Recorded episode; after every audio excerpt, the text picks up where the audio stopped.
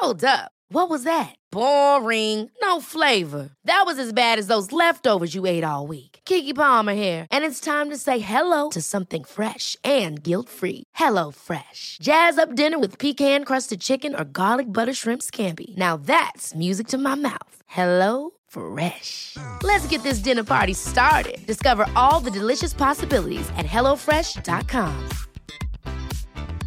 Hey, it's Ryan Reynolds, and I'm here with Keith, co star of my upcoming film, If, only in theaters, May 17th. Do you want to tell people the big news? All right, I'll do it. Sign up now and you'll get unlimited for $15 a month in six months of Paramount Plus Essential Plan on us. Mintmobile.com slash switch. Upfront payment of $45 equivalent to $15 per month. Unlimited over 40 gigabytes per month. Face lower speeds. Videos at 480p. Active Mint customers by 531.24 get six months of Paramount Plus Essential Plan. Auto renews after six months. Offer ends May 31st, 2024. Separate Paramount Plus registration required. Terms and conditions apply if rated PG. Hey there, it's Michelle Norris. I'm host of a podcast called Your Mama's Kitchen. When I travel, I'm usually looking for a way to find a taste of home when I'm not at home. And one of the things I love to do when I am at home is entertain. And Airbnb allows me to do that. When I was in California recently, I rented a house that had a great kitchen. And when we were sitting around the table, we we're all thinking, we're in someone else's house. Someone could be in all of our homes as well. If you have a home, but you're not always at home, you have an Airbnb. Your home might be worth more than you think. Find out how much at airbnb.com/slash host.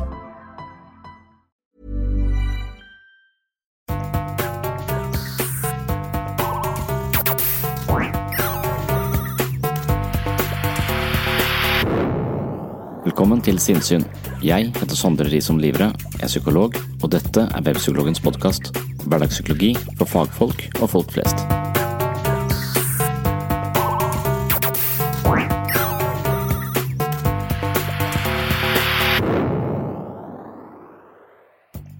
Jeg har lest to bøker av Kjersti Annestatte Skomsvold, og jeg har møtt henne på teatret i Kristiansand for å snakke om sårbarhet.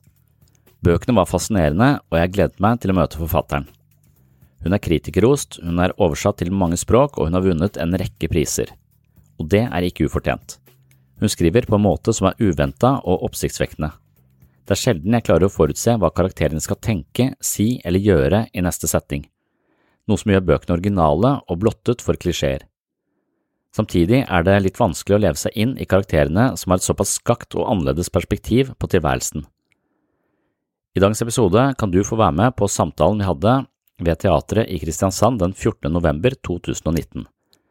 Før jeg går til teatret, skal jeg lese en av flere anmeldelser av boken som heter Monstermenneske.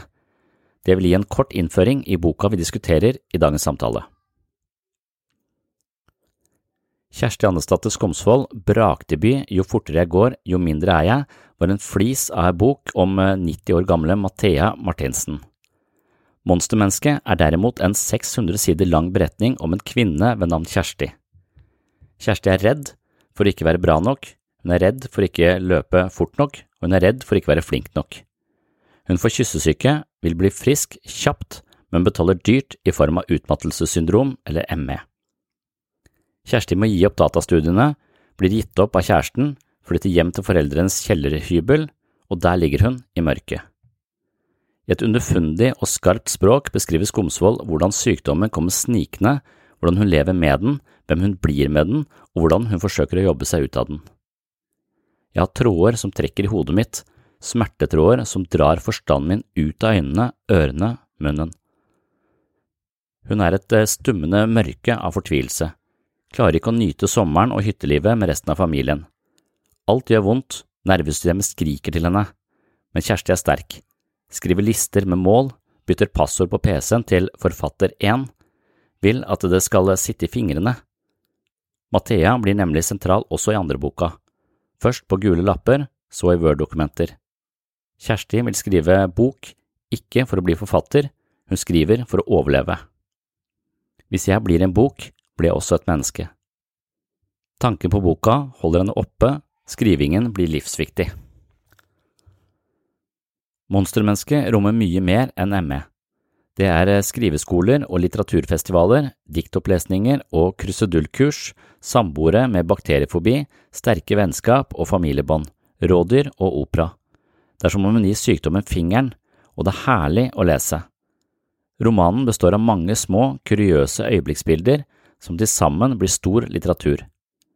Skomsvold bykser frem og tilbake, fra nostalgiske barndomsminner til frempek om bokslipp og møte med utenlandske redaktører, fra sengeliggende spurv til skjønnlitterær debutant.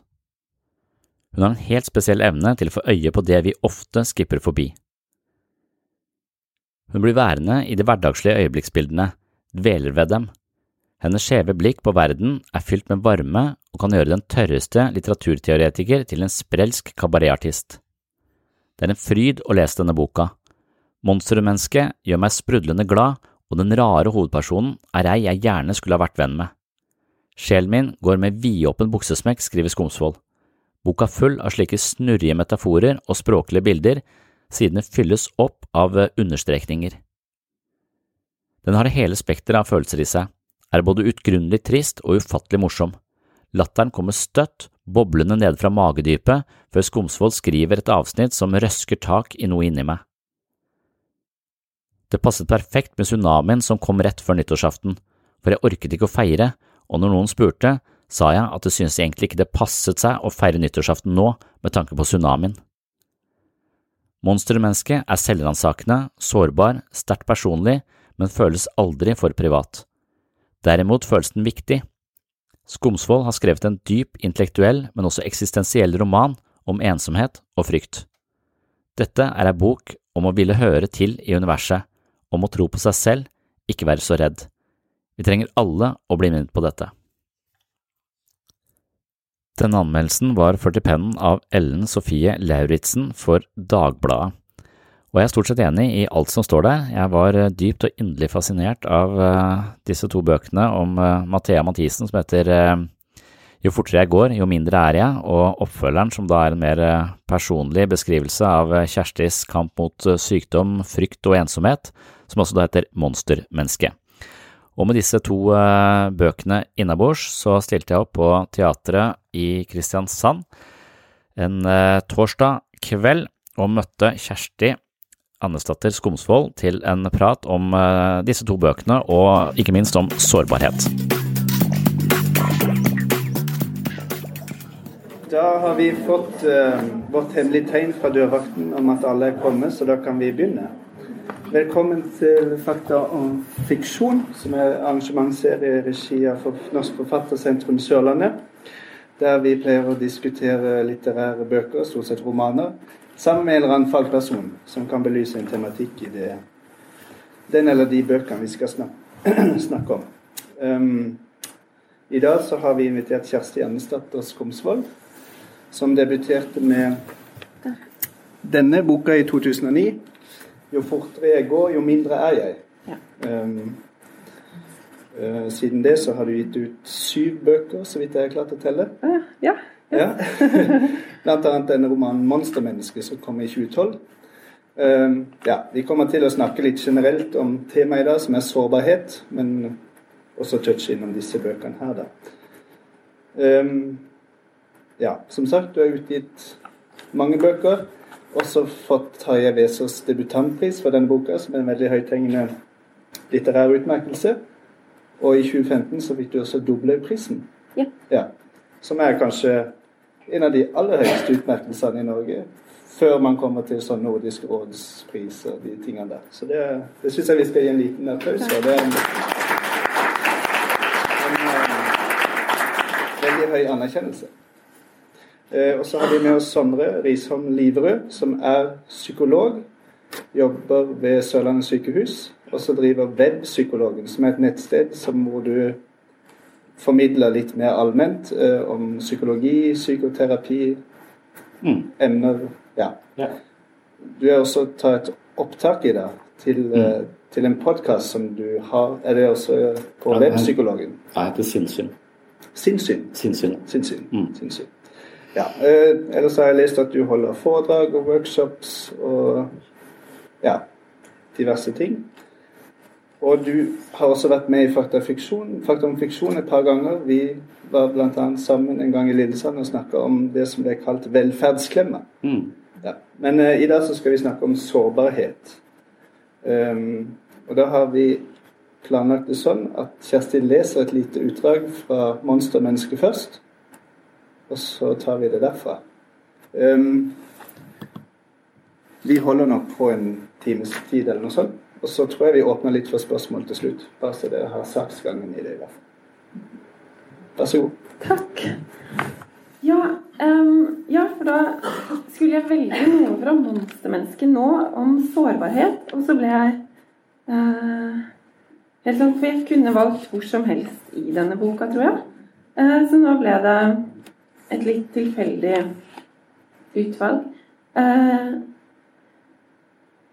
jeg, um, hvorfor jeg kunne valgt hvor som helst, det handler vel om at den handler jo Eller den er skrevet om en periode i livet som var sårbar på flere måter. Fordi jeg var syk, og fordi jeg um, Alle disse festene man har i livet, forsvant.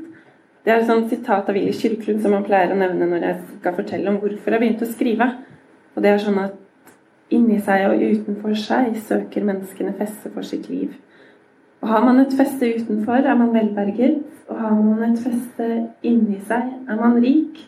Og når alle festene har røket, kan man begynne å diskutere menneskets vilkår.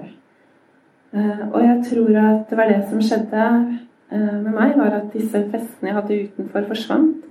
Uh, med at jeg ikke kunne studere, at ble slutt med samboer og måtte bo hjemme hos mamma og pappa som måtte ta vare på meg. og det var da jeg begynte å skrive.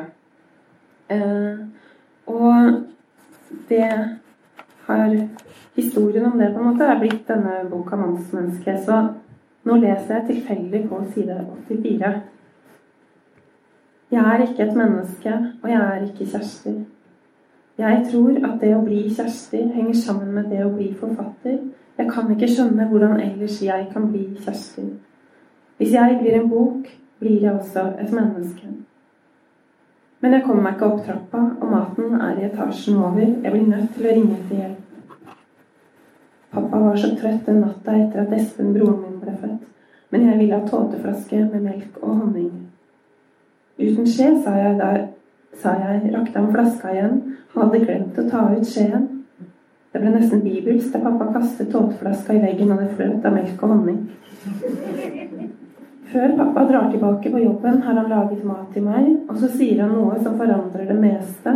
Det forandrer i alle fall noe. Jeg er så redd for å bli en sånn skrekkhistorie, sier jeg. En sånn skrekkhistorie som jeg har lest om i avisa. Men Kjersti, sier pappa, du er jo en sånn skrekkhistorie. Og da Det tar kanskje litt tid, men så tenker jeg at ja, jeg er en sånn skrekkhistorie. Jeg trenger ikke lenger å være redd. Det kan umulig bli verre enn det er nå. Så bestemmer jeg meg for å slutte å være redd for å dø. Det vet jeg ikke om jeg gjør. Jeg lå i kjelleren til mamma og pappa, og dette var før vi dro på hytta, for veggene var furubrune, og mamma var der. Det føles som jeg ikke har noen fremtid, sa jeg. Kjenner jeg mamma rett, gikk hun vel ut av rommet fordi hun og jeg ikke snakker sammen på den måten, og fordi hun nok syntes det var ubehagelig å forholde seg til katastrofen i senga. Dessuten måtte hun pakke til Tai-Chi-leiren. Men jeg visste med ett at et menneske som bare ligger i en seng, 25 år gammel, som gir opp, slutter å leve, kommer til å dø. Sånn må det være. Senere skal en amerikansk forlagssjef spørre meg om hvorfor jeg har skrevet en bok, og pappa skal lese gjennom mailen min før jeg sender den. Du kan ikke skrive at du kom til å dø hvis du ikke skrev en bok, vil han si. Jeg vil si meg enig, selv om jeg er uenig.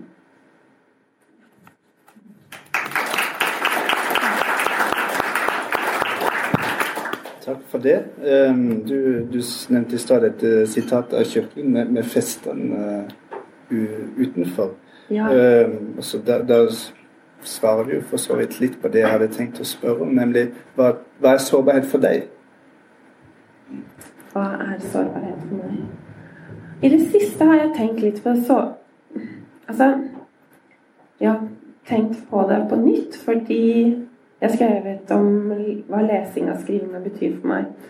Og så har jeg merket meg at mange omtaler bøkene mine som skjøre eller sårbare, da. Eh, og den danske redaktøren min skrev akkurat til meg om den siste romanen min, 'Barna', at eh, eh, Hun sier noe som at jeg lar denne skjøre, sårbare stemmen tale seg fram. Og det syns jeg var så fint sagt, at den taler seg fram. For da så jeg liksom for meg sånn at den må jobbe seg gjennom en slags sånn materie av noe vis. da. Og jeg tror jo at jeg i det jeg skriver, oppsøker det sårbare. Fordi det er det sårbare i meg som på en måte ikke får plass i den vanlige verden, på en måte. Eh, og for at mm, Og da kan det være litt som at det forsvinner på et vis, når det ikke har plass. Når det blir for I den verden. I den virkelige verden. Ja. Ute blant mennesker.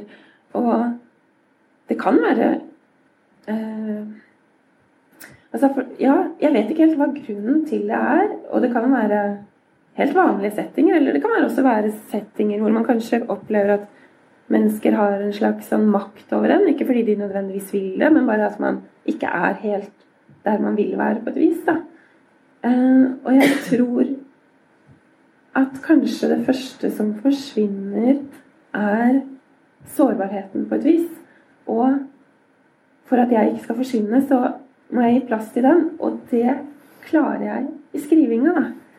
Og jeg tror at når jeg klarer å skrive det sårbare frem og gi det et litterært språk, så blir det også sterkere på et vis. At det sårbare på en måte blir det sterke, hvis det gir mening, da. Um, ja, så jeg tror på en måte sårbarhet for meg er grunnen til at jeg må skrive. Jeg, og opplever at jeg forsvinner på et vis hvis jeg ikke skriver. da. Mm. Ja, det er en form for uh, litterær ressurs. Men ja. sånn som når jeg hører på det, så er det også noe, en eksistensiell ressurs. Altså, du sier at du forsvinner nærmest hvis ikke du får denne sårbarheten stemme får tale frem, så forsvinner du også. Ja, Um, ja, det oppleves litt sånn. Og så har jeg tenkt at eh, ok, jeg, altså, hvis man er følsom og sårbar, så kanskje det gjør at man skriver uh, og oppsøker det sårbare i skriften. da. Men så har jeg også tenkt på om det kan være motsatt. At man uh, må skrive for å komme i kontakt med det følsomme og sårbare. For å ikke bli automat... Altså hard og ufølsom og følelsesløs på et vis. da. Um, og jeg tror ikke det er sånn for meg nå. Nå opplever jeg det mer som at uh, følsomheten, sårbarheten, gjør at jeg skriver. Men det kan jo hende at det kan bli sånn en gang. At man uh, vil komme i kontakt med det igjen, og derfor velger å skrive, da. Eller lese. Jeg kan oppleve det samme i lesinga. Mm. Ja, eh, det er jo ofte sånn at sårbarhet settes opp mot eh, uavhengighet. Altså at man er i stand til å klare seg selv. Eh, men er det ikke også samtidig denne trangen til å være et selvstendig individ og klare seg sjøl uten å være prisgitt noen andre? Er ikke det også noe som gjør oss veldig, veldig sårbare? Sånn. Jo, jeg syns dette var en veldig fin, fin forklaring. Som de, det gir gjenklang i i de menneskene jeg møter. Så jeg vet ikke om du kanskje jeg vet ikke om du opplever at du hadde forsvunnet hvis du ikke hadde fått et uttrykk for det sårbare, men du hadde kanskje ikke vært hel. Det er i hvert fall det jeg møter mennesker som sier til de Og jeg opplever det ikke som hel heller. Jeg opplever de som f.eks. Eh, litt eh, kalde og avvisende eller litt fiendtlige. Eh, og, og, de mangler en Ja, de mangler sårbarheten. Derfor så blir det et menneske det er vanskelig å ha en, egentlig en nær relasjon til. Eh, for det er som en slags isklump. Og terapi vil ofte være å våge det sårbare i en eller annen sånn trygg setting. Er, og som du tør, tør det sårbare. Og hvis de da får inn element av sårbarhet, så, så vil den derre den, den harde og kalde den, den, har en slags overlevelsesverdi. Altså, det er jo litt tøft der ute, så man må jo tåle litt skarpe kanter, og det gjør de gjerne. Men hvis de får med den den sårbare, så blir de et helere menneske mye lettere å relatere seg til, og de skaper bedre relasjoner og blir mindre ensomme, har jeg inntrykk av. Så, så, før, jeg skulle hit i dag, så, så, så jeg på deg på YouTube eh, eh, ganske mye. For at jeg var nesten litt sånn eh, urolig for for å, møte et menneske som tenker så originalt. Uh, og da, det følte jeg meg litt sårbar. for jeg tenkte, Dette er et ekstremt originalt menneske, uh, og alt jeg tenker i forhold til henne, vil være veldig eh, klisjéaktig og, og, og main, sånn, jeg, jeg, følte meg så vanlig. Eh, eh, og, og når jeg spesielt, den er jo fortere, jo fortere jeg går, jo mindre er jeg. Så når du diskuterte den med hun nå har jeg glemt navnet hennes igjen, hun skuespilleren som Ja, Anne Marit Jacobsen. Ja, så når hun, eh, hun, sier at ja, jeg kjenner meg sånn igjen i Mathea, så tenker jeg kjenner du deg igjen i Mathea? Er det mulig, på en måte? Er det sant? Har du noen gang tenkt disse tankene etter hverandre i denne rekkefølgen? Finnes, det, hvordan går det? Så, så jeg syns det, det, er noe sånn ekstremt originalt uh, over det, men også, jeg, også litt sånn ja, skjørt uh, og, og, og sårbart, men også litt sånn kraftfullt øh, og, bestemt. Jeg likte Mathea veldig godt, selv om jeg ikke forstår henne. Liksom. Det er øh, veldig mange romaner føler jeg sånn, ja, det, sånn, det kjenner jeg igjen. Eller leser du Knausgård, så ja, de er nesten helt like, liksom. Men det, det, føler jeg ikke da. Men det er så mye gjenkjennelse. Uh, Mathea er det mye fremmedhet uh, for meg. Det er liksom ganske fremmed uh, for meg. Og det er spennende, for jeg aner ikke hva hun kommer til å si i den neste, i den neste setningen sin. Og det, det er så fascinerende. Eh, og det gjør henne også til en øy eh, for meg. Jeg ville aldri kunne det er så vanskelig. Hvis du er sånn som henne, eh, så da vil jeg aldri kunne komme i land på din øy, på en måte. For vi har ikke noen Du, du, vil, du vil synes at jeg er litt sånn vanlig og sånn Så det er en slags sårbarhet, det også. Så, så du viser deg på en måte Det å våge den sårbarheten du gjør i monster, monstermennesket, er jo Det gjør det Det gjør deg litt sterk, da. For at, for at jeg ser jo på, på deg som en som en da sånn Dette er et vågalt prosjekt, på en måte, og ganske uh, modig. Um, ja, det var også noe av det som slo meg uh, da jeg leste 'Monstermenneske', uh, at sårbarhet handler jo selvfølgelig om å være utlevert til tilfeldigheter der ute, eller i kroppen, eller tilfeldigheter, at man er utlevert. samtidig så er det et sånn slags eksistensielt grunnvilkår som vi alle deler. Og Dermed så blir det å vise fram denne sårbarheten blir en form for styrke. da. Det, det slo meg i hvert fall underveis da jeg leste 'Monstermenneske'. Vet ikke hva ja.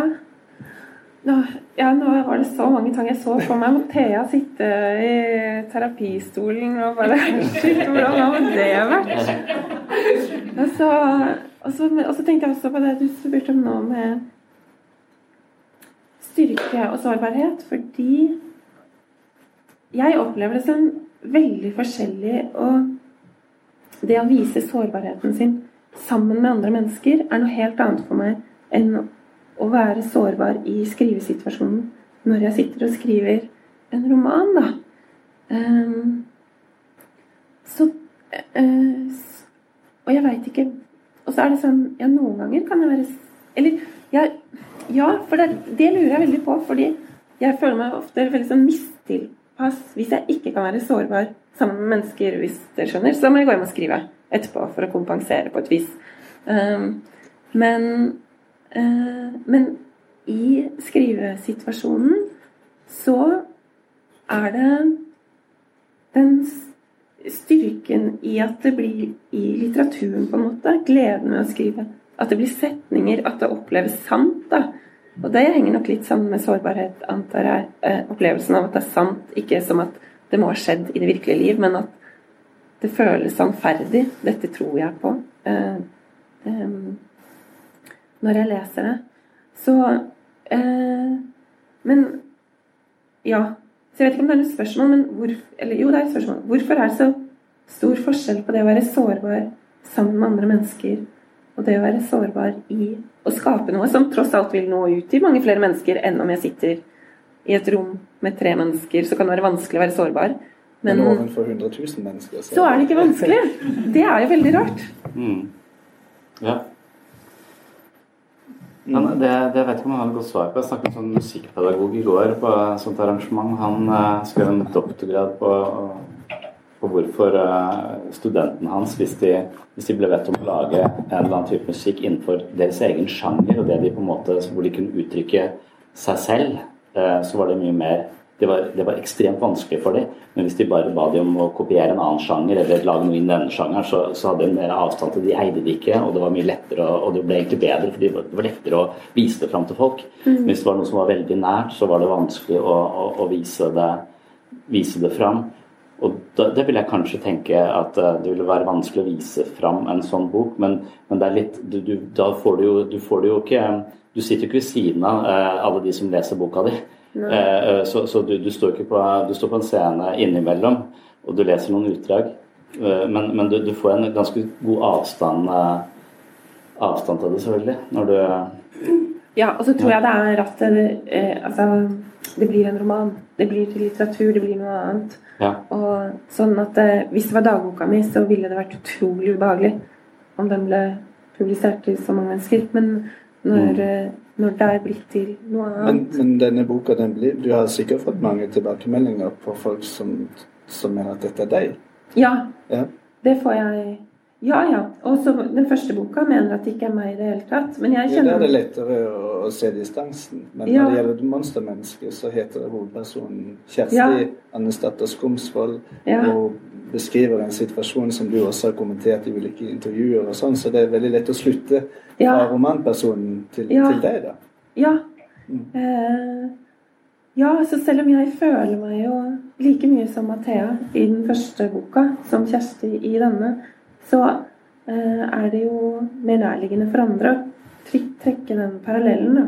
Men det merker jeg at jeg bryr meg ikke så mye om, faktisk. Eh, tar, eller altså, ja. Da er, er, det greit å være sårbar når det er i en, i en roman.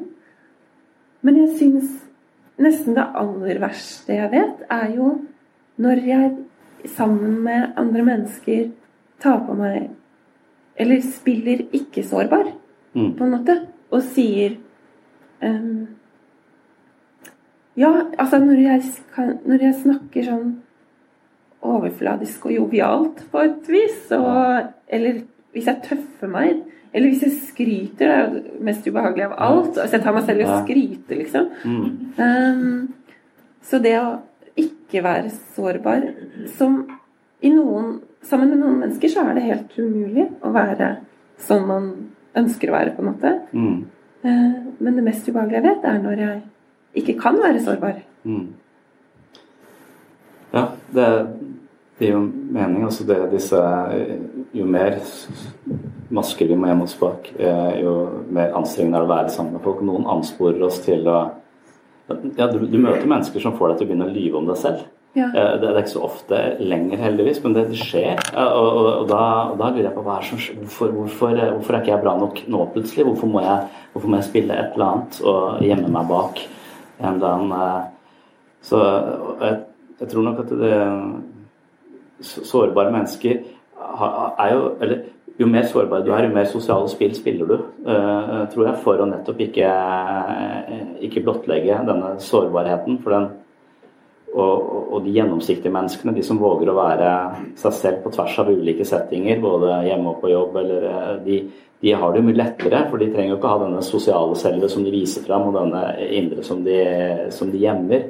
Så hvis de to kan være litt mer overlappende, så, så er det ofte et slags sånn mål i terapi, det også. At eh, den jeg egentlig er, den kan jeg ikke være, er det mange som opplever. Så jeg må hele tiden eh, holde på denne, denne, maska. Så har det en så tjukk dag med sminke og, og måter å være på som Eh, som gjør at man føler man snakker med et plastikkmenneske. Og når man snakker med et annet plastikkmenneske, så ansporer en selv også til å være noe, noe, annet. Men jeg opplever også at hvis jeg våger selv å være så åpen jeg klarer i møte med andre, så vil de ofte respondere med det samme. Mm. Eh, og så er det noen få som bare stiller seg over der, eh, og så plutselig gjør deg liten. Eh, og det er psykopatene, da. Så, så de, de, bør vi jo ikke eh, ja.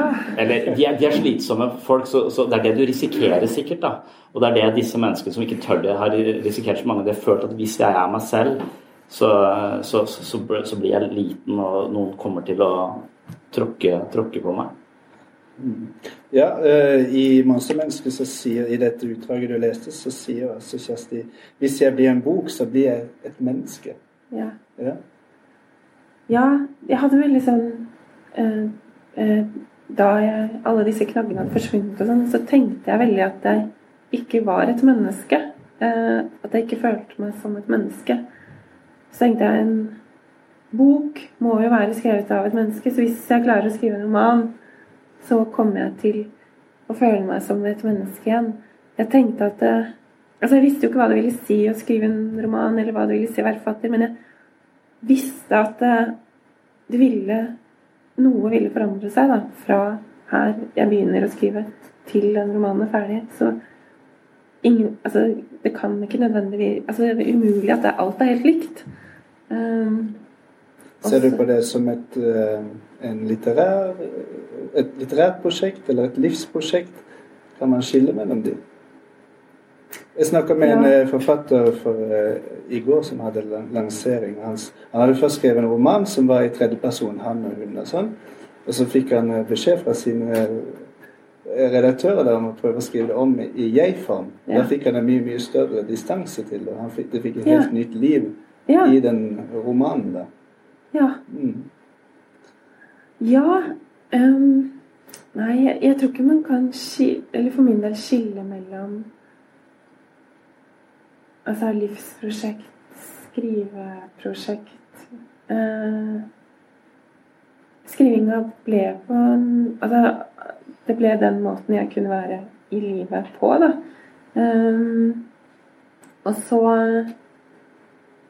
Og jeg tenker jo at det, forfatteren, uansett hva romanen handler om, så synes det på en måte eh, hva Hvorfor forfatteren har skrevet det, da. Så da ser du jo Ja, er det for å Er det av nødvendighet? Er det Går forfatteren gjennom en forandring i denne romanen? Um, og uh, Ja. Så, så med den første boka, da tenker jeg at det var å altså For det, det som skjedde, var jo at hver gang jeg tenkte på sykdommen, så tvang jeg meg selv til å tenke på setninger til boka isteden. Og så ble Fikk jeg på en måte byttet ut de tankene med boka, da. Og så ble på en måte den gamle dama i første boka er på en måte sykdommen, tenker jeg. Um, og så var det jo Så ble jeg så opptatt av at mennesker kan forandre seg, så da ville jeg og så hadde vi en lærer på Skrivekunstakademiet som sa at mennesker ikke kan forandre seg. Så ble jeg så Ja, men det har jo skjedd. Jeg har jo forandra meg. og så, så tenkte jeg at jeg måtte skrive en roman som viste det. da. Så det var liksom monstermennesket. Å vise at man kunne, kunne forandre seg. Eh, ja. Og så når du snakket nå, så tenkte jeg jo også på om Nei, det der med at eh, man er sterkest når man klarer å vise seg som sårbar. Uh, men jeg husker så Altså norsklæreren min, som jeg møter en gang i året, og som jeg Uh, Før jeg hadde skrevet et eneste ord i boka, så skrev jeg sånne lange takkehilsener som jeg skulle sende til henne. Da, sånn takk for at du likte skolestilene mine på ungdomsskolen. Før du hadde skrevet boka. Før jeg hadde skrevet boka, så hadde jeg skrevet 'Kjære Anne Marie'. Ja. Og hun og jeg snakket en gang om det å være syk, og det å eh, Altså det å fortelle at man er syk, eller å gjøre seg sårbar på den måten. Og hun sa Og da hadde jeg tenkt frem til det, så tenkte jeg sånn Nei, men det er en styrke å være sårbar og kunne liksom være gjennomsiktig, da. Men hun sa hun hadde angret, og hun skulle ønske at hun ikke hadde gjort seg så sårbar overfor alle Mens, Eller altså Ja, at det var noen hun skulle ønske at hun ikke hadde gjort seg sårbar overfor. da. At hun har angret, på en måte. Ja, da, det er så lurt på for at eh, når folk sier at folk vil ikke tåle meg hvis jeg er den jeg egentlig er, eller hvis jeg er gjennomsiktig, eller de vil utnytte meg, eller ja, hva, hva, er det folk, hva, er det, hva er det man er redd for? Hva, hva er det, hvis jeg er oppriktig og ærlig, så langt det lar seg gjøre, hva er det som kan skje med meg som er farlig? Ja jeg, Nei. Jeg det. Ja. Ja, for, det kommer litt an på hvor mye, hvor mye verdi du vil tillegge de kommentarene som kommer din vei. Altså Når min sønn på seks er en bæsj, så er ikke det noe som sårer meg sånn dypt og inderlig. Eh, eh, eh, fordi jeg tillegger Jeg tenker lite menneske uten prefrontal cortex har ingen impulskontroll og så, så, så, mens hvis et voksenmenneske hadde sagt du er en bæsj, hadde jeg tenkt hjerneskade. Men, men Så, så, det kommer jo an på hvem som Eller hvor mye tillegger du andre menneskers ord? Og en av mine sånne mantra er at alt du tenker og føler er feil. Det er alle andres sine tanker og følelser er jo også alltid feil. Vi er alltid filtrert via alle nevrosene våre. Er, så, så, vi har jo aldri en objektiv forståelse av noe som helst. Har, det er farget av en million faktorer vi ikke kjenner til. Så min opplevelse av deg er jo farget av alt mitt. Så jeg vil aldri forstå deg jeg vil forstå deg på en helt unik måte som ingen andre eh, vil oppleve deg. Så, og, og det samme, så, så, andres tilbakemeldinger kan vi på en måte ta med, alltid med en klype salt. og Hvis vi ser det på denne personen liker meg ikke, det kan være interessant, eh, kanskje. Eh, kanskje det er noe ved denne måten vedkommende misliker meg på som jeg kan forstå og kanskje lære noe å endre meg. Eller personen er eh, ikke tilregnelig, jeg vil ikke legge noe verdi eh, i det. Så hvis du, hvis du hvis du tenker at alt du tenker og føler er feil, så vil du heller ikke være så veldig sårbar. eller Da vil du kunne risikere å være gjennomsiktig hvis du, hvis du tør det. Men Hvis du tenker at alt du tenker og føler er feil? Mm. Ja, ja. men også det de andre tenker og føler er feil. Det det og de andre tenker og føler er feil. Alt er feil. Men fordi det jeg gjør i skrivinga, det er jo at jeg går inn i hva jeg tenker og føler, og så prøver jeg å skrive det på en måte som oppleves sant, så tenker jeg ja, det er noe, noe altså, Og da på en måte som er annerledes enn sånn jeg har tenkt på det før. Da, at det er litt fremmed på en måte også. Men gjenkjennelig. Og så tenker jeg ja, dette tenkte jeg. Dette følte jeg. Dette er sant. Så det slår jo på en måte bort uh, beina under hele prosjektet, hvis, alt, hvis ingenting av det jeg tenker og føler, er sant. Eller Det kan kanskje være sånn fenomenologisk sant, opplevelsesmessig sant. Men, ja. men bare tenk når jeg selv har gått i terapi selv og fortalt historien om mitt liv eh, på, på, en måte til et annet menneske, og gjort det i flere omganger, så forandrer jo historien seg. Mm. Så det fins jo overhodet ingen uh, sannhet om Det er jo hele tiden fra hvilket perspektiv jeg ser meg selv. Og det mm. forandrer seg jo hele tiden, og hukommelsen min er jo helt elendig. Så jeg har jo ingen hukommelse fra hva som har skjedd med meg.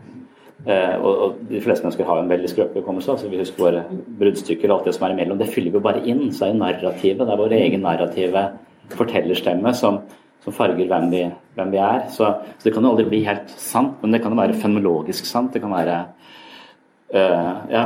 Um, men er det her litteraturen kommer inn som skrift, og som noe som uh, holder fast de oppfatningene som vi har der og der, og som er formet på en måte som, som du sier, at det oppleves som sant, om det er en spesiell form for syntaks eller en, en språkføring som gjør at det oppleves som mer holdbart enn en disse innfallene vi får når vi skal fortelle om våre liv til en terapeut eller til en venn tenker at litteraturen har denne varigheten over seg som gjør at det også forplikter på en annen måte. Derfor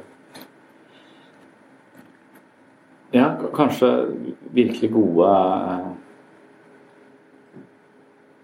historier gir en slags uh, fellesmenneskelig gjenklang, da. Uh, som, som, gjør det liksom universelt sant for, for, mange. Det er ikke det jeg tenkte med, med med, med Mathea f.eks. At eller, for, for jeg blir sittende og tenke sånn, hva, uh, for, for, for, meg så er det ekstremt komplisert det du, du, du skriver. Det er på en måte veldig enkelt, men også veldig komplisert for meg å, å lodde dybden i det. Fordi at uh, Jeg vet ikke om jeg er så veldig god på det, jeg er ikke litteraturvitere sånn som dere er, så, men, men, sånn som at, at jeg ikke vil gå til tannlegen fordi tunga er i veien. Også at tunga bare er en muskel som er festa på ett sted. Og så når jeg får lyst til å si noe, så får jeg ikke sagt noe, for jeg har lyst til at tunga skal forankres på et annet sted også, i en kald stang. Altså alle, alle disse tingene Er det noe um, ja. Det gir en slags emosjonell gjenklang, men jeg vet ikke hva jeg skal gjøre med den følelsen jeg får. Jeg, så, så, det jeg, så, så, det er noe som jeg, jeg, jobber med, som jeg sparer i forhold til. Men det er veldig komplisert med, med, med, med Mathea og, den, den boka, for den den er, så Det er ikke så mye fellesmenneskelig gjenkjennelig ved henne, uh, på, på, en måte. Men uh,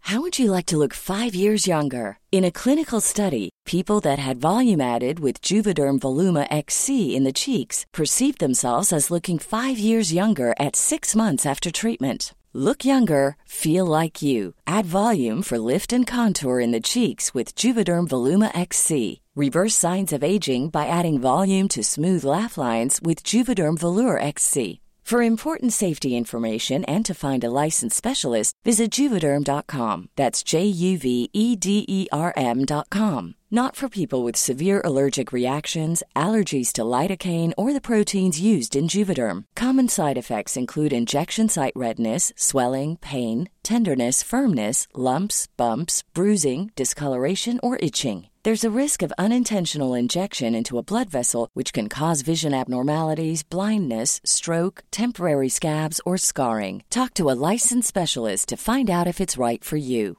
Hey, it's Ryan Reynolds, and I'm here with Keith, co star of my upcoming film, If, only in theaters, May 17th. Do you want to tell people the big news? All right, I'll do. it. Sign up now and you'll get unlimited for $15 a month and six months of Paramount Plus Essential Plan on us. Mintmobile.com slash switch. Upfront payment of $45 equivalent to $15 per month. Unlimited over 40 gigabytes per month. Face lower speeds. Videos at 480p. Active Mint customers by 531.24 get six months of Paramount Plus Essential Plan. Auto renews after six months. Offer ends May 31st, 2024. Separate Paramount Plus registration required. Terms and conditions apply if rated PG. Life is full of what ifs. Some awesome, like what if AI could fold your laundry?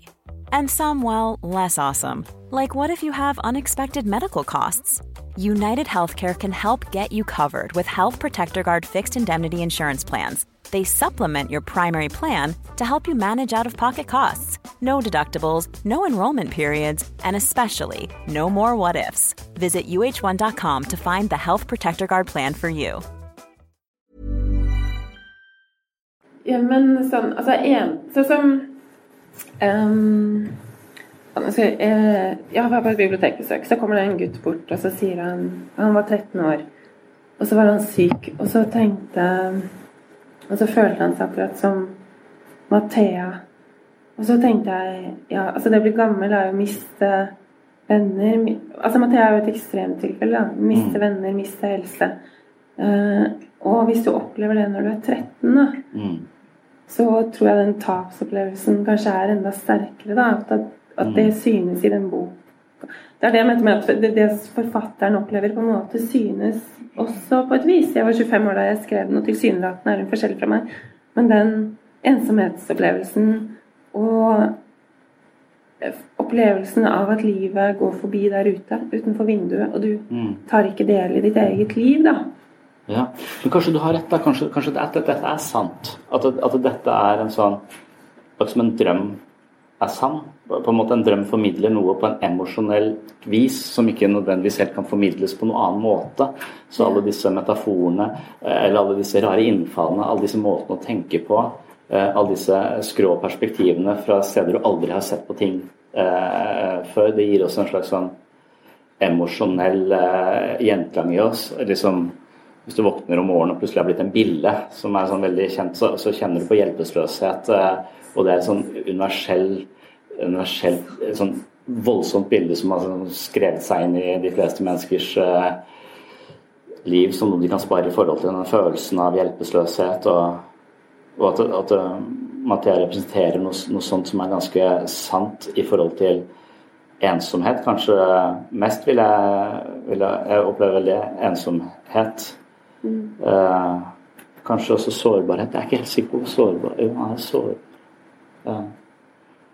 Ja, og det er jo sånn jeg tenker sånn Eller folk snakker om gjenkjennelse i litteraturen. Så tenker jeg sånn Ja, men man trenger jo ikke å være 90 år for å kjenne seg igjen i det å være ensom. Eller man Nei, nei, nei. trenger ikke å Være en bille.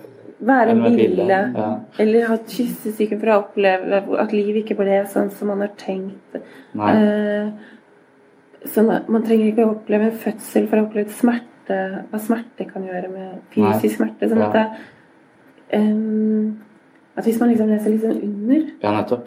og det er er det kanskje- sånn Ja. Og det, det er kanskje der, der denne boka er så utrolig fascinerende og så, og så, så, så god, og at den er, det er veldig forståelig at den, den blir så prisbelønt, på en måte. For det, men jeg lurer på om du er nødt til å ha ganske lang tid for å få det til. Da. Og, og det er et eller annet, Jeg har lagt merke til at alle de eh, forfatterne jeg leser som jeg opplever som best, og det er ikke nødvendigvis skjønnlitterære, men også fag, fagfolk, de har ofte meditert mye eller vært på sånne stilleretreat og tilbrakt mye tid i ensomhet, som om, som om det også bare være eh, bare ha tid nok til å tenke tanker som ikke alle har tenkt fra før, og sette et språk på dette, og ha en førstehåndsopplevelse av det også, er ganske unikt. Så, så, så, på en måte så vet jeg ikke om du tenker at du kunne skrevet dette hvis ikke du hadde vært den situasjonen du var i også, eller? Jeg tror definitivt at uh, situasjonen gjorde at jeg begynte å skrive, og at jeg skrev om uh, døden i den første boka. For, og det tror Jeg ikke, jeg var ikke dødssyk, så, men altså, Virginia Woolf sier det man kan ikke tenke uforstyrret særlig lenge før tankene går over til døden. Mm. Uh, og uh, For selv om man ikke er dødssyk, så skal man jo dø en gang. Og så, hvis man får tid til å tenke, da, så blir man klar over det. Eller så er det nærmere på, på et vis, da. Mm. Um, og så Jeg husker jeg var besøkte et fengsel i Dublin. Da fortalte de at det siste fangene gjorde før de skulle bli henrettet, var at de satt på cellene sine, og så skrev de poesi, da. Og, tenk, og det tror jeg at det Altså liksom Det å feste livet sitt i skrift, det blir på en måte en slags sånn synliggjøring av sin eksistens, da. Og jeg tenkte jo på den tynne boka som uh, brukte lang tid, fire år på å skrive, så tenkte jeg sånn, på et bevis på at jeg fantes de årene jeg, vennene mine ikke kunne se meg da jeg var borte fra verden. Da. Så er jeg inni der, inni den, inni den boka. Mm. Jeg, tror, jeg vet ikke om, man kunne plassere et hvilket som helst menneske alene i et rom, og at det før eller senere vil begynne å skrive. det. Men ville, det, ville det, det, som gjør den så unik, den boka, er det nettopp at du har kuttet alle disse du begynner med å si at jeg kutter alle alle forbindelser Eller jeg mister alle forbindelser, du kutter det ikke, du mister alle forbindelser til, eh, til, alle disse holdepunktene rundt deg, skole, venner, alt det. Så, så, plutselig så er du Du faller på en måte litt eh, litt fritt inn i, inn i det ukjente. Eh, og, og, det å gjøre det Det å gå dit med viten og vilje tror jeg kanskje er veldig vanskelig for mennesker egentlig vil gjøre. Ja. Men, men du er kanskje der Eh, det er der du, eh, du, henter Hvis ikke så hadde det kanskje ikke blitt så bra. Hvis du hadde vært forankra i alle vennene og blitt, vært i dette, da hadde du blitt bare en sosial refleksjon, nærmest. Da det du hadde, det hadde ikke sikkert hadde blitt så For, for det er som du, hvis du går i fillebiter og da må pakke deg selv sammen igjen og finne ut dette, så, så, så lager du noe, noe, som aldri har vært Det, det, det, det er ikke som det oppleves veldig originalt. Det er veldig for, for, og, jeg tror det at det å ikke utsette tankene for sånn korrigering, på en måte, eh, hele ja. tiden, ja. gjør at Da kan det jo gå lenger, da. Mm. Eh, hvis du kan sånn tenke uforstyrret. Sosial korrigering ja. når du er sammen med folk mm. og diskuterer. Ja. ja.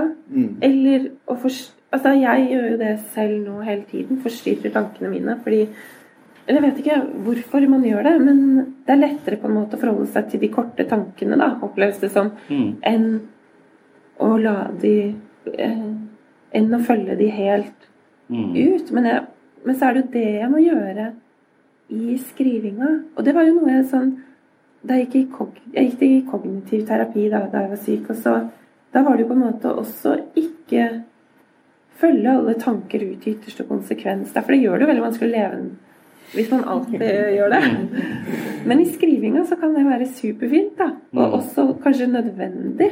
Mm. Og skrive Og så skjønner jeg noe, da, som oppleves sånn sånne, Altså Jeg kom hjem fra sykehuset med det første barnet, og så var jeg sånn Vi må bare bolte fast alle vinduene. Mm. Og jeg, jeg ville ikke si hvorfor. Jeg kunne ikke si hvorfor, på en måte.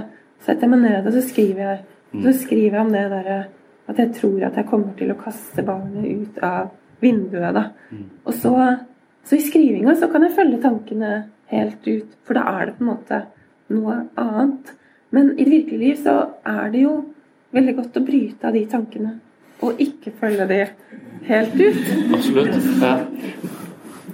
Det skjer også i, i Antikrist. Eh, ja. Så akkurat som det er sånt jeg, jeg, Det er så lenge siden jeg så den filmen, men det gjorde blant de filmene som har gjort mest inntrykk på meg. Men jeg klarer ikke å redegjøre for hvorfor. Men jeg ser liksom Jeg, ser, jeg husker eh, ja, nå er det lenge siden jeg har tenkt på det, men jeg skriver jo om det i Østmenneske. Det var uh, Er det noen som faller ut? Ja, faller ut men, mens de har sex. Mm. Ja. Yeah. Og så var det noe med en sånn leike de visste han likte, som sto i vinduet. Ja, Så det kan hende det var noe litt Moren hadde noe med det å gjøre. Ledetråd. Ja.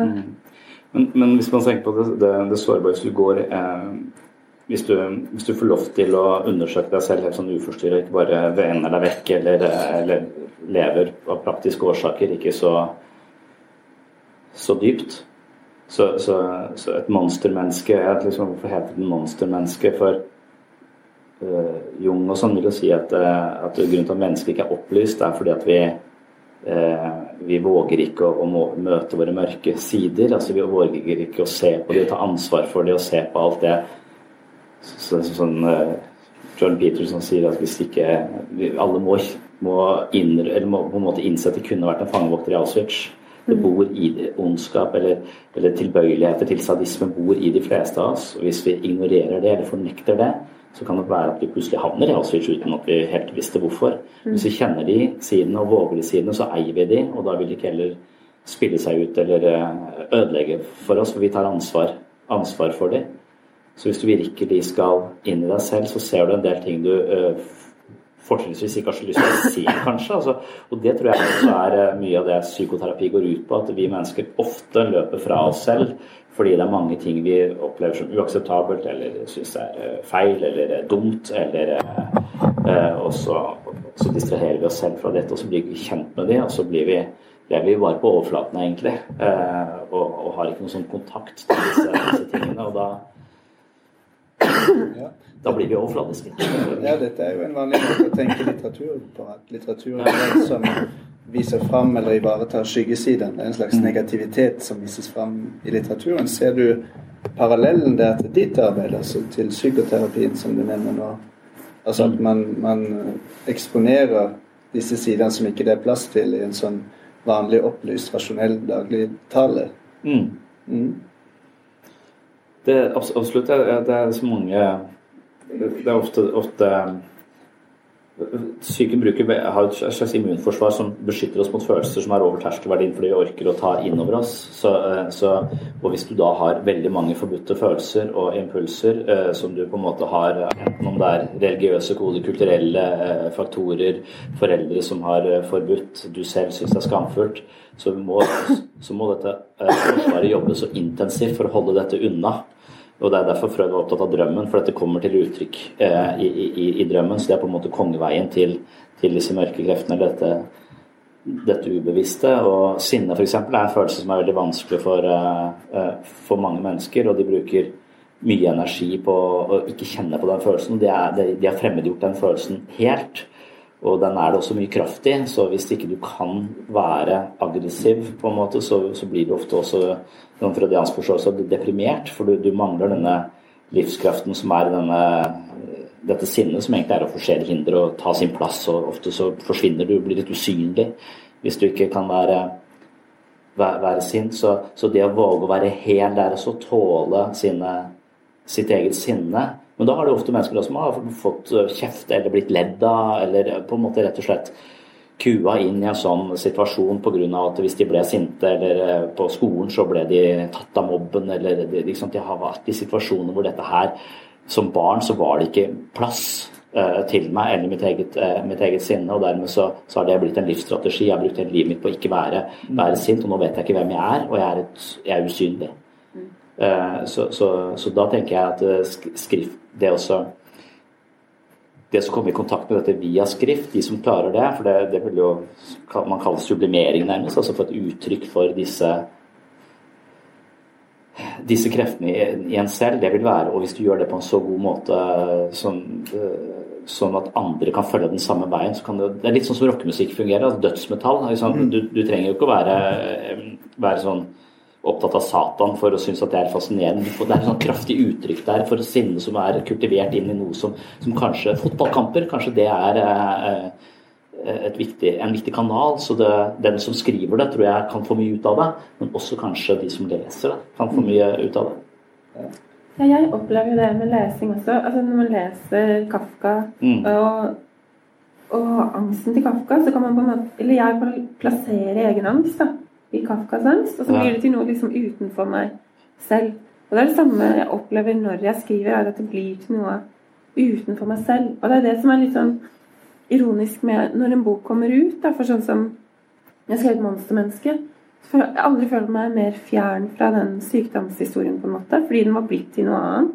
Og den føles ganske Også det er sånn når jeg vet at en bok begynner å bli ferdig, er når det begynner å føles fremmed for meg. Det er akkurat som at jeg leser om noen andre på et vis, noe gjenkjennelig, men fortsatt Det er ikke, inn, det er ikke meg helt heller. Eh, og så kommer boka ut, og så blir man jo av omverdenen veldig da knyttet til noe man på en måte aldri har følt seg mer fjern fra. da.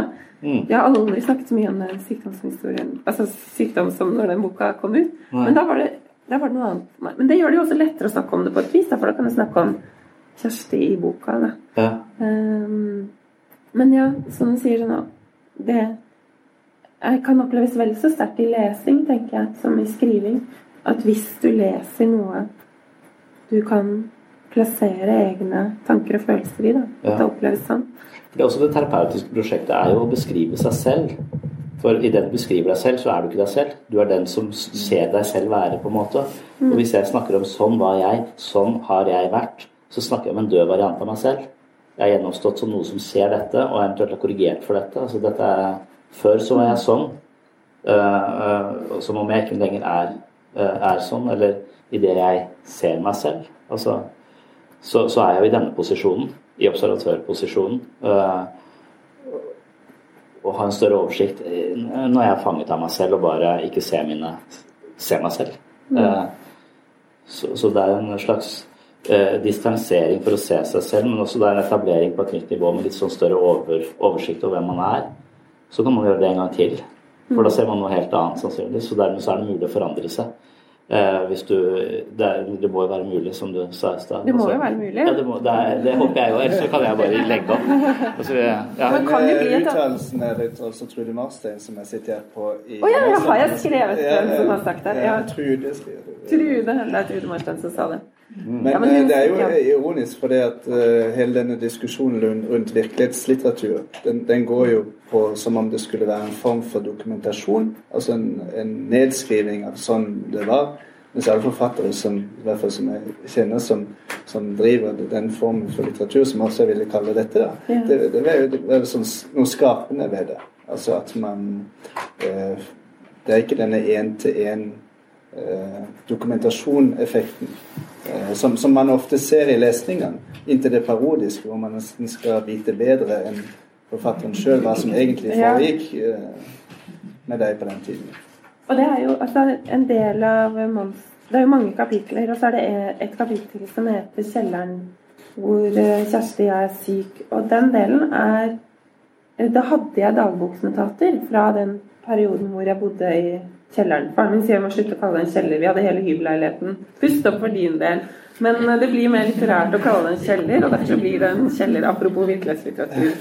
Hadde vært, det hadde blitt- ja, det hadde vært mer korrekt å kalle det hybelleiligheten, da. Men det må jo hete Kjelleren.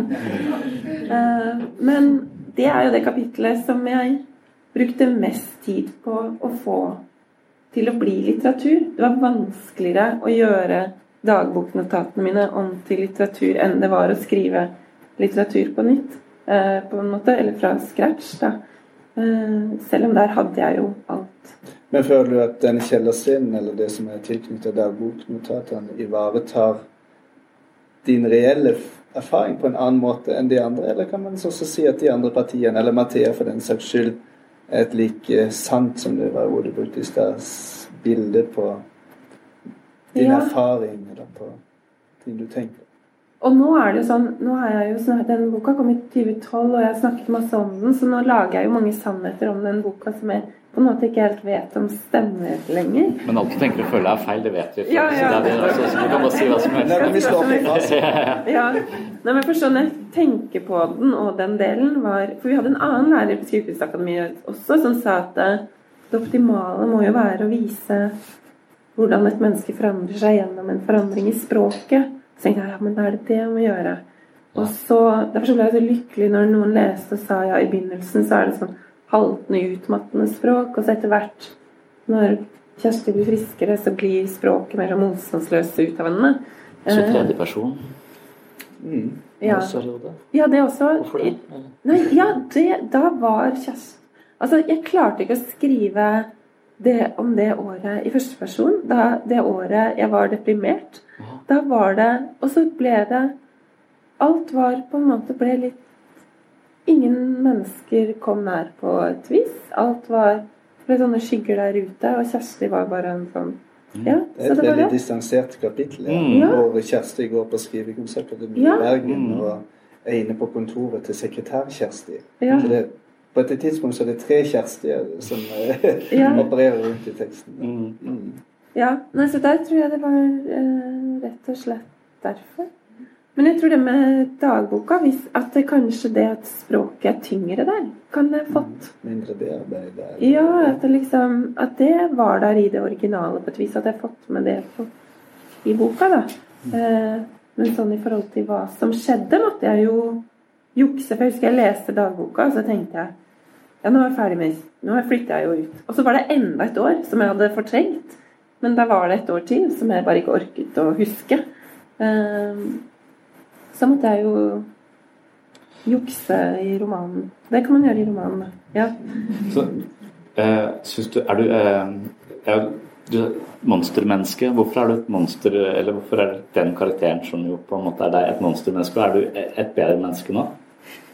Vet du hva, det, det med den titlen Sønnen min spurte meg i forrige uke, faktisk. Han, på kvelden kommer jo ofte spørsmålene med tre og et halvt år. Så sa han Mamma, har du skrevet en bok som heter 'Monstermenneske'? Eh, og så ble det sånn, ja. Det var åpenbart noe utrolig skremmende for han. Da. Eh, men eh, Visste han at det var en uh, virkelighets... virkelighets... Ja, hvem er det det handler om? men en som sa det til meg i dag, altså, jeg sa jeg skulle snakke, om, eller, snakke med deg om en bok som et monstermenneske, så høres ut som en barnebok, sa han. Å ja. ja. Det var en venninne. Grunnen til at sønnen min spurte meg om det, var fordi det var en venninne fortalte at datteren på åtte år hadde bedt om at de snudde boka i bokhylla. Hun syntes det var så skummelt. Og jeg syns veldig godt den Ja. tittelen. Ja. Ja. Men hvorfor Nei, ja, for jeg tenker Altså, det du snakket om i stad. Det der å ha det monsteret i seg, ha det mennesket i seg. At man har eh, begge deler. Eh, og ja. Eh, ja. Nei, jeg syns det var en god tittel, rett og slett. ja. Hva tenkte du om tittelen? Nei, jeg er litt Jeg er litt usikker på om Vet ikke, om, eh, vel sånn, Liker jeg denne karakteren, eller liker jeg ikke denne karakteren? Eh, Jeg veksler eh, veldig. For tidvis er det ikke sånn veldig sympatisk. Og, og, og litt sånn For at du du kan Innimellom du litt sånn dømmende overfor andre, kanskje, så man blir sånn redd. Ja. Det det er altså det er sånn Så, så, så, så det er en sånn Veldig ærlig. Så jeg vet ikke om det er den ærligheten som du ser på som dette, dette monstrøse ja, men ærlighetsmonster kaller hun seg Ja, ikke sant. Ja. Ærlighetsmonster.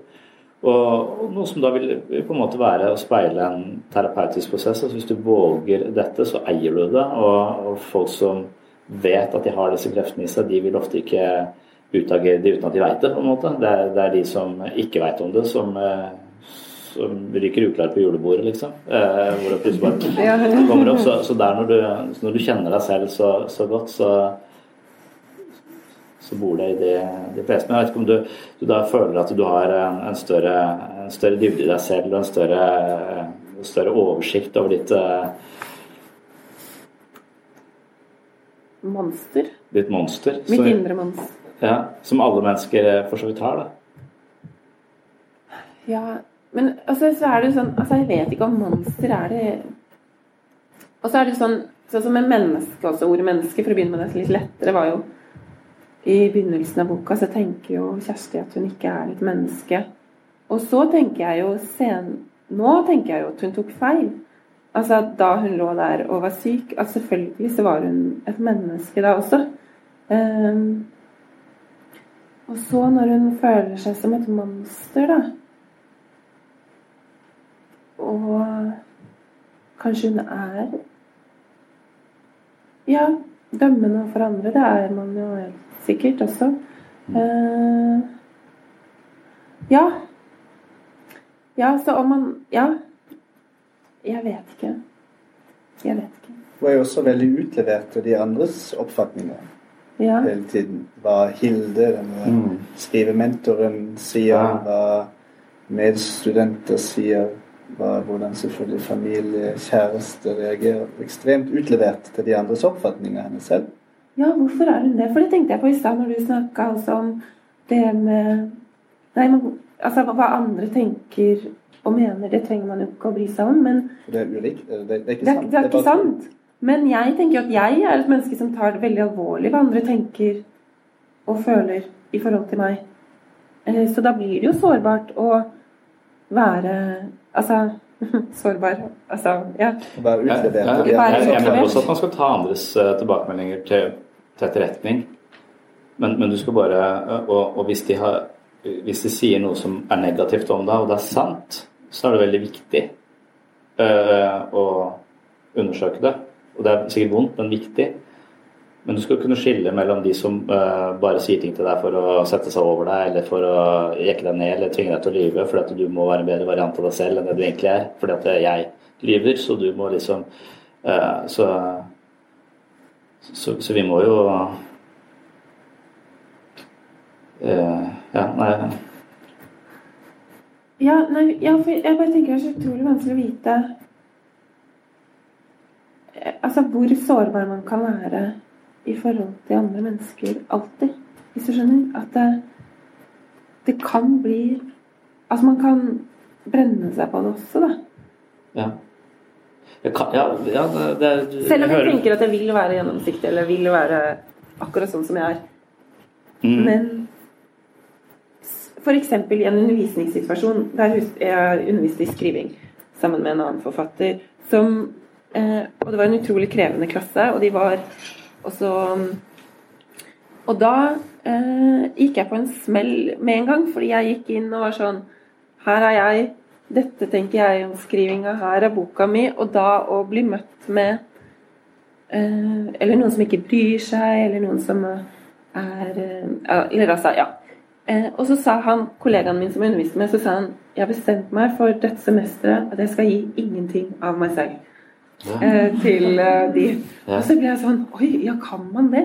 Kan man liksom eh, bare gå inn og så gjøre noe? Men altså, det å ikke vise seg sårbar i det hele tatt, da, eh, vil jo jeg tenke på det som.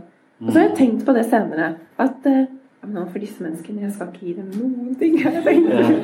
Ingenting av meg selv. Men det er utrolig vanskelig. Og så, ja. Eh, ja. Og er det riktig?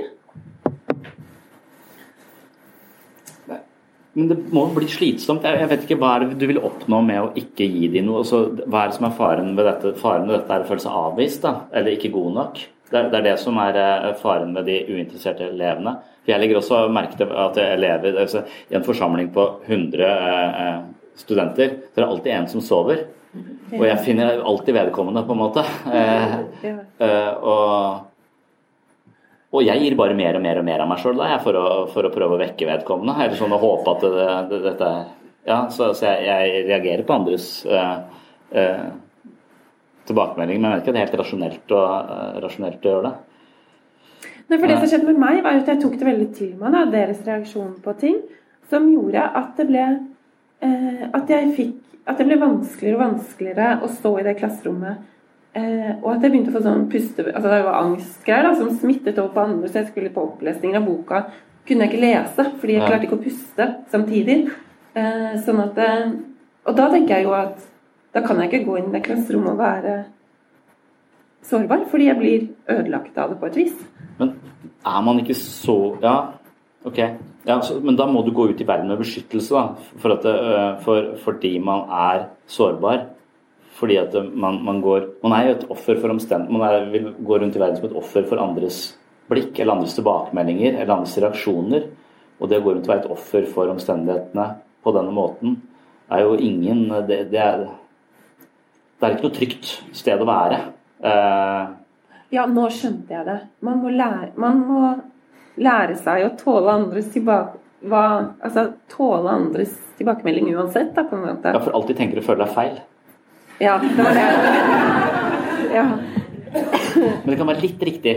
Kanskje, kanskje her er sannheten, og så kan noen ligge tett på sannheten. Det bør du høre på. Og så er det andre som er fjernt fra sannheten, for de har så lav selvfølelse. De prøver å få deg til å føle deg dårlig for å jekke deg ned. Og de, de menneskene som klarer det med type hersketeknikker osv., de, de vil ikke Hvis du tror at det de tenker og føler er sant, så vil de ødelegge humøret ditt. I verste fall selvfølelsen din, i verste fall livet ditt, på en måte. Hvis Ja. du er for tett på dem. Ja. Så uh, Men hva er sannheten hvis alt alle tenker er feil? feil? Ikke noe sant? Altså Skjønner du? Ja, ja. Altså, ja, ja. Ja, jeg tenker, jeg tenker Hvorfor gjør jeg dette, hvorfor sier jeg dette? Eh, hva er sannheten bak det? Det er sikkert en milliard eh, ulike faktorer som fører opp til at jeg sier akkurat, akkurat dette, og tre av de er tilgjengelige for meg. Så de halv milliard andre faktorene er ikke tilgjengelig, så sannheten er eh, nærmest et eh, umulig prosjekt. Og så etter hvert som du prøver å finne ut av den, så har den forandret seg også, så jeg, jeg tror ikke den fins. Jeg, jeg tror det er mer eller mindre sannferdig det vi sier, men vi lyver oss for oss selv hele tiden. Altså at jeg er en eh, eh, småutålmodig pappa, men jeg er også en god eh, pappa. Det er bare sånn tilbøy... Det er kanskje, jeg vet ikke hvor nært sannheten det er, men jo mer jeg kjenner at eh, ofte så er det litt ubehagelig å bevege seg og være selverkjennelse på en sånn måte som ligger tett på, på sann. Det er jo psykoterapeutisk prosjekt. Det er jo å være mest mulig lyve minst, mulig for seg selv. Og vi lyver så mye for oss selv som vi ikke vet om. Eh, og, og det er som om du trenger igjennom det i denne her også, for å tenke så lenge på noe og så dypt i deg selv at det virker ikke lenger som uh, det, det kan kanskje ligge da tett på sannheten. At det ikke lenger er eh, korrumpert alle forsvarsmekanismene dine og alle disse, disse tingene. At du har hatt eh, tid til å lodde, lodde noe som er mye dypere, og da sannere, men ikke helt sant. På en måte fordi eh, Du må være religiøs for å tro at noe er absolutt sant. Eh, det er bare det, ja. ja. Men for nå kom jeg på noe, fordi når, man, når jeg skriver Hvis jeg skriver med en tanke om at det skal få en virkning i den virkelige verden, på en måte Eller hvis jeg skriver noe Hvis noen hadde sagt noe et eller annet, og så blir- skal jeg skrive noe, og så skal jeg skrive noe sant om den situasjonen, og så tenker jeg ja, når de leser dette Men da blir det dårlig. Mm. Alltid hvis man tenker på den, så synes det, da. Sånn at det, eh, jeg opplever det som i skrivingen at det kan bli mer sant fordi jeg må, jeg må slutte å tenke på den virkelige verden utenfor, og det eksisterer bare, Mm. bare i romanen. Mm.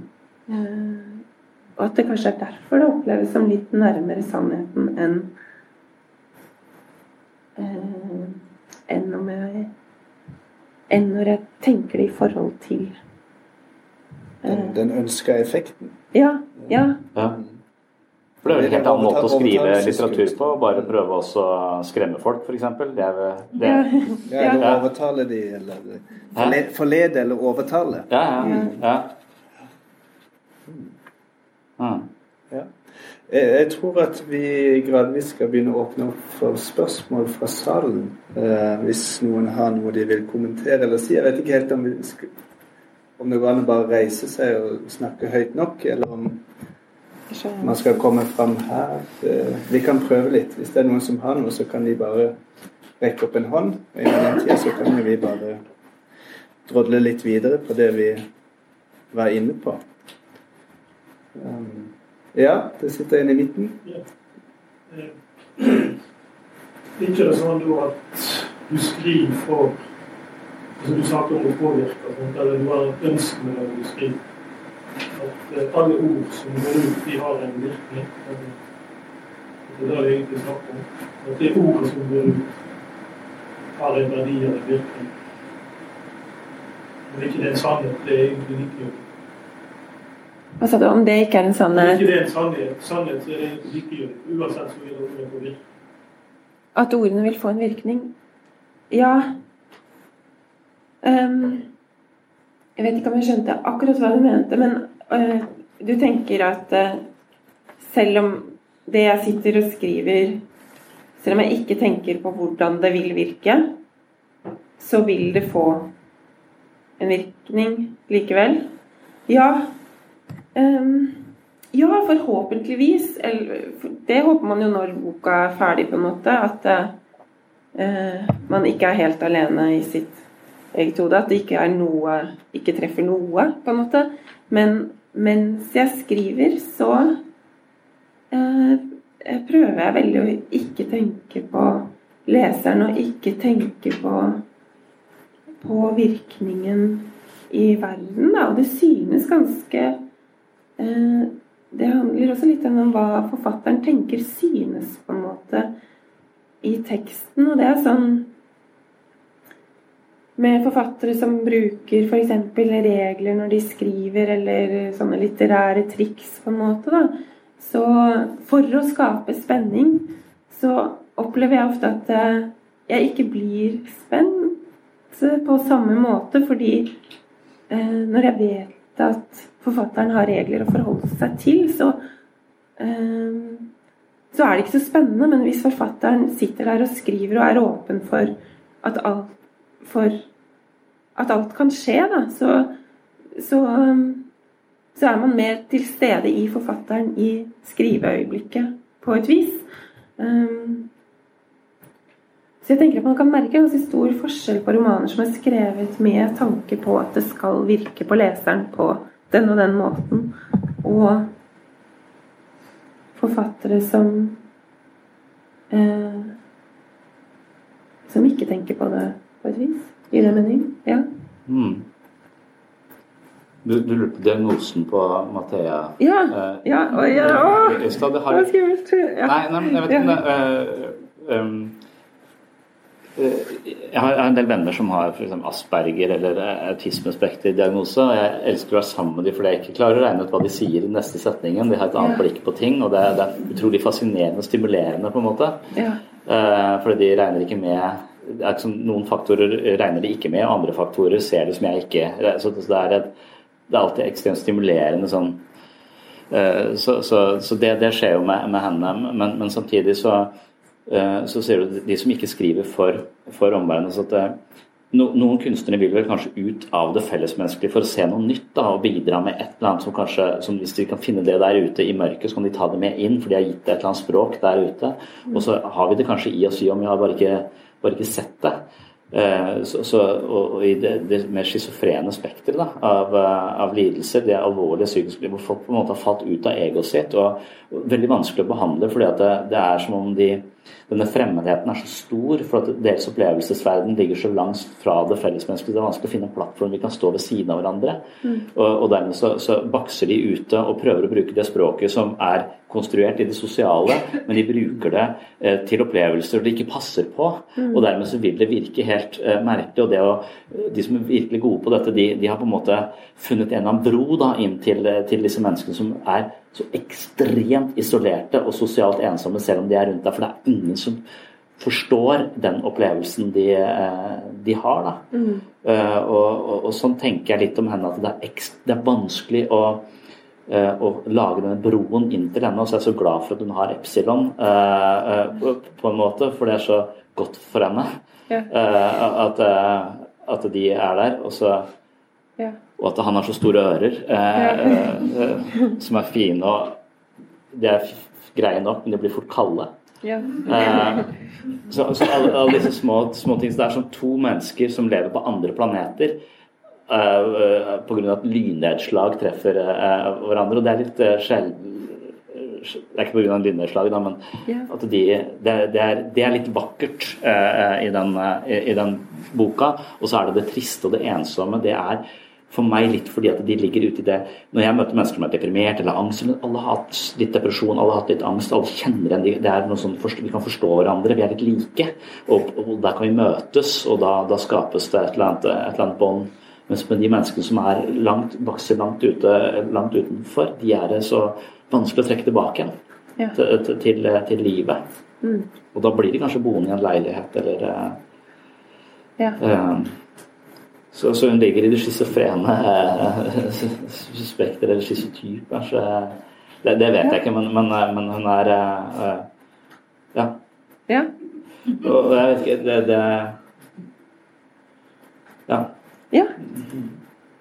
Er det noen andre som har noe de vil si eller kommentere eller spørre om? Det er nå det er sjansen. Gjør dere sårbare. Ja. Ja, da kom det jo en gang. Forakt for svakhet, og det å møte andres forakt i sårbarhet?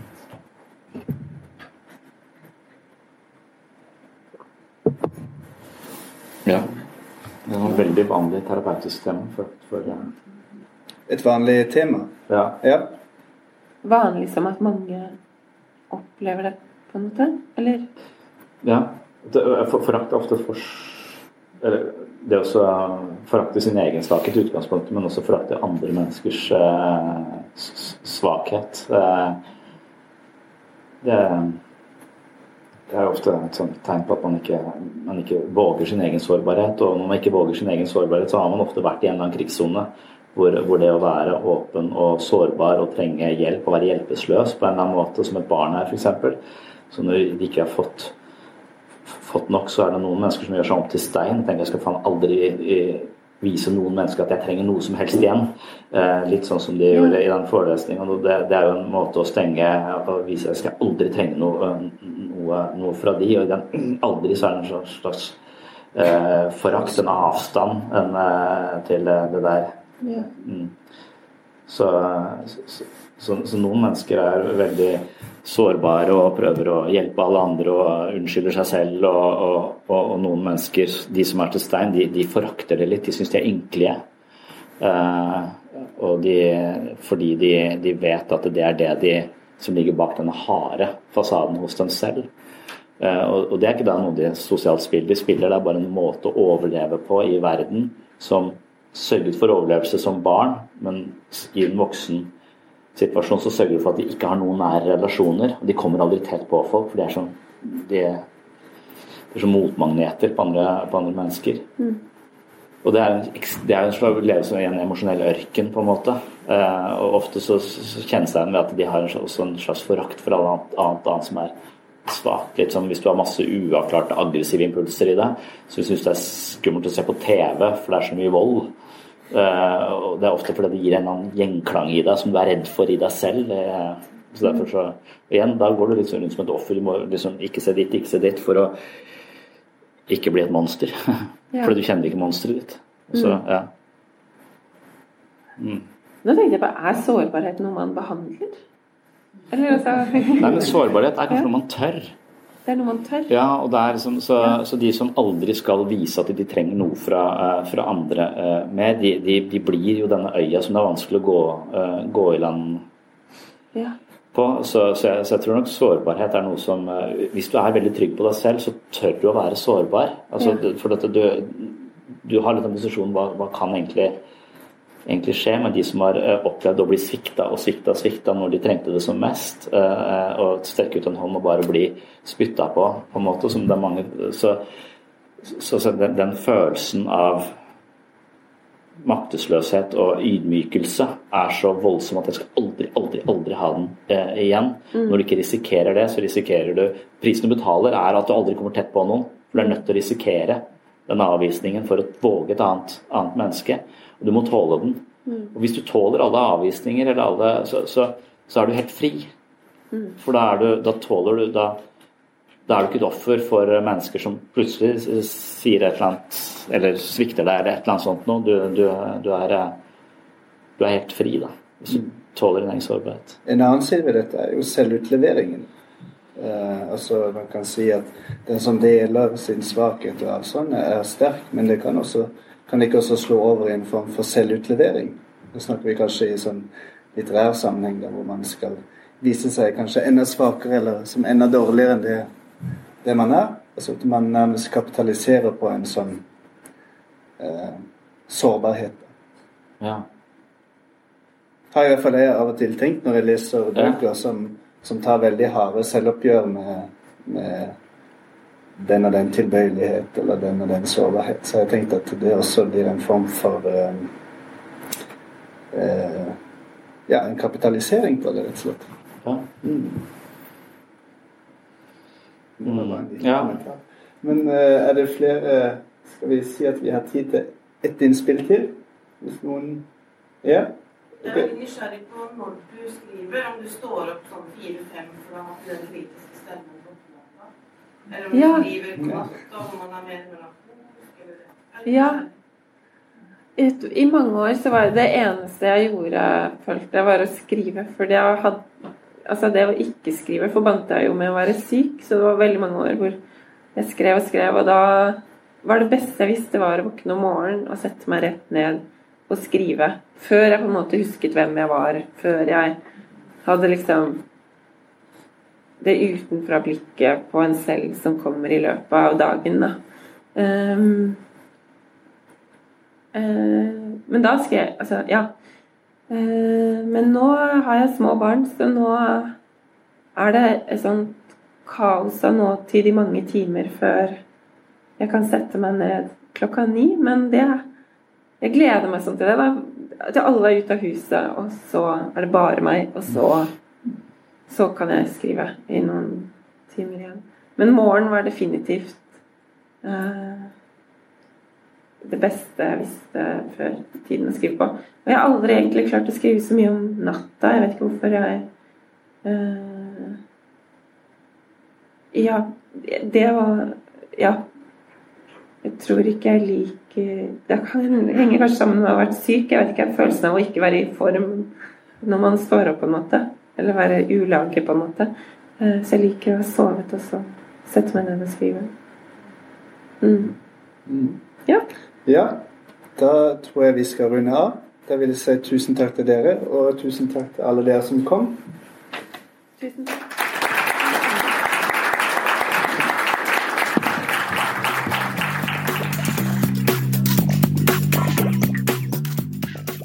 Takk for at du hørte på Sinnsyn.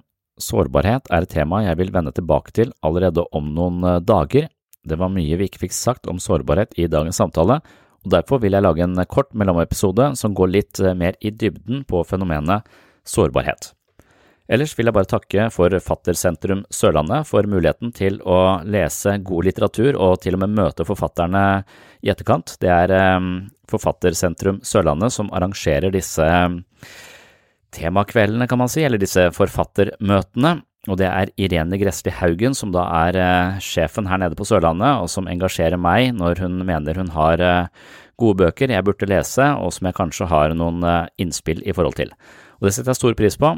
Det er en flott forening, denne Forfattersentrum, for både forfattere og, og publikum, som da får muligheten til å høre forfatterne snakke om sine egne bøker. Det var det for eh, denne gang. Som sagt så kommer det en eh, episode om sårbarhet eh, ganske snart, håper jeg i hvert fall. Kanskje i løpet av et par dager. Så er du mer interessert i sårbarhet, så heng med da. På gjenhør.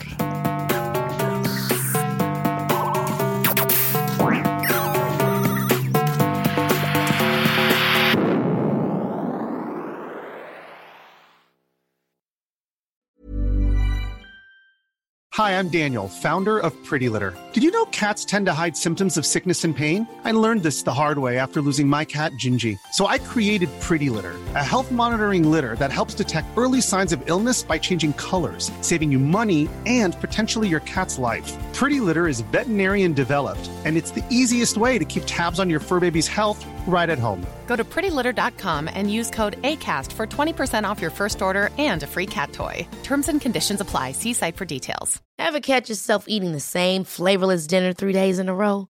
Dreaming of something better?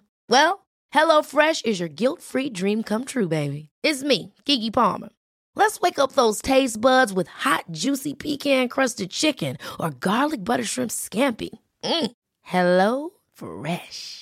Stop dreaming of all the delicious possibilities and dig in at HelloFresh.com. Let's get this dinner party started. Mom deserves the best, and there's no better place to shop for Mother's Day than Whole Foods Market. They're your destination for unbeatable savings, from premium gifts to show-stopping flowers and irresistible desserts. Start by saving 33% with Prime on all body care and candles. Then get a 15-stem bunch of tulips for just $9.99 each with Prime. Round out Mom's menu with festive rosé, irresistible berry chantilly cake, and more special treats. Come celebrate Mother's Day at Whole Foods Market.